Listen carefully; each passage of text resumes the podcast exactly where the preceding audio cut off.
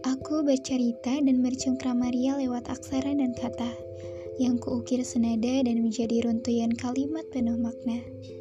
Tenggelam dalam imaji, hanyut dalam melodi yang muncul dari hati bersamaan dengan nada yang timbul dari sayup suara yang kuutarakan.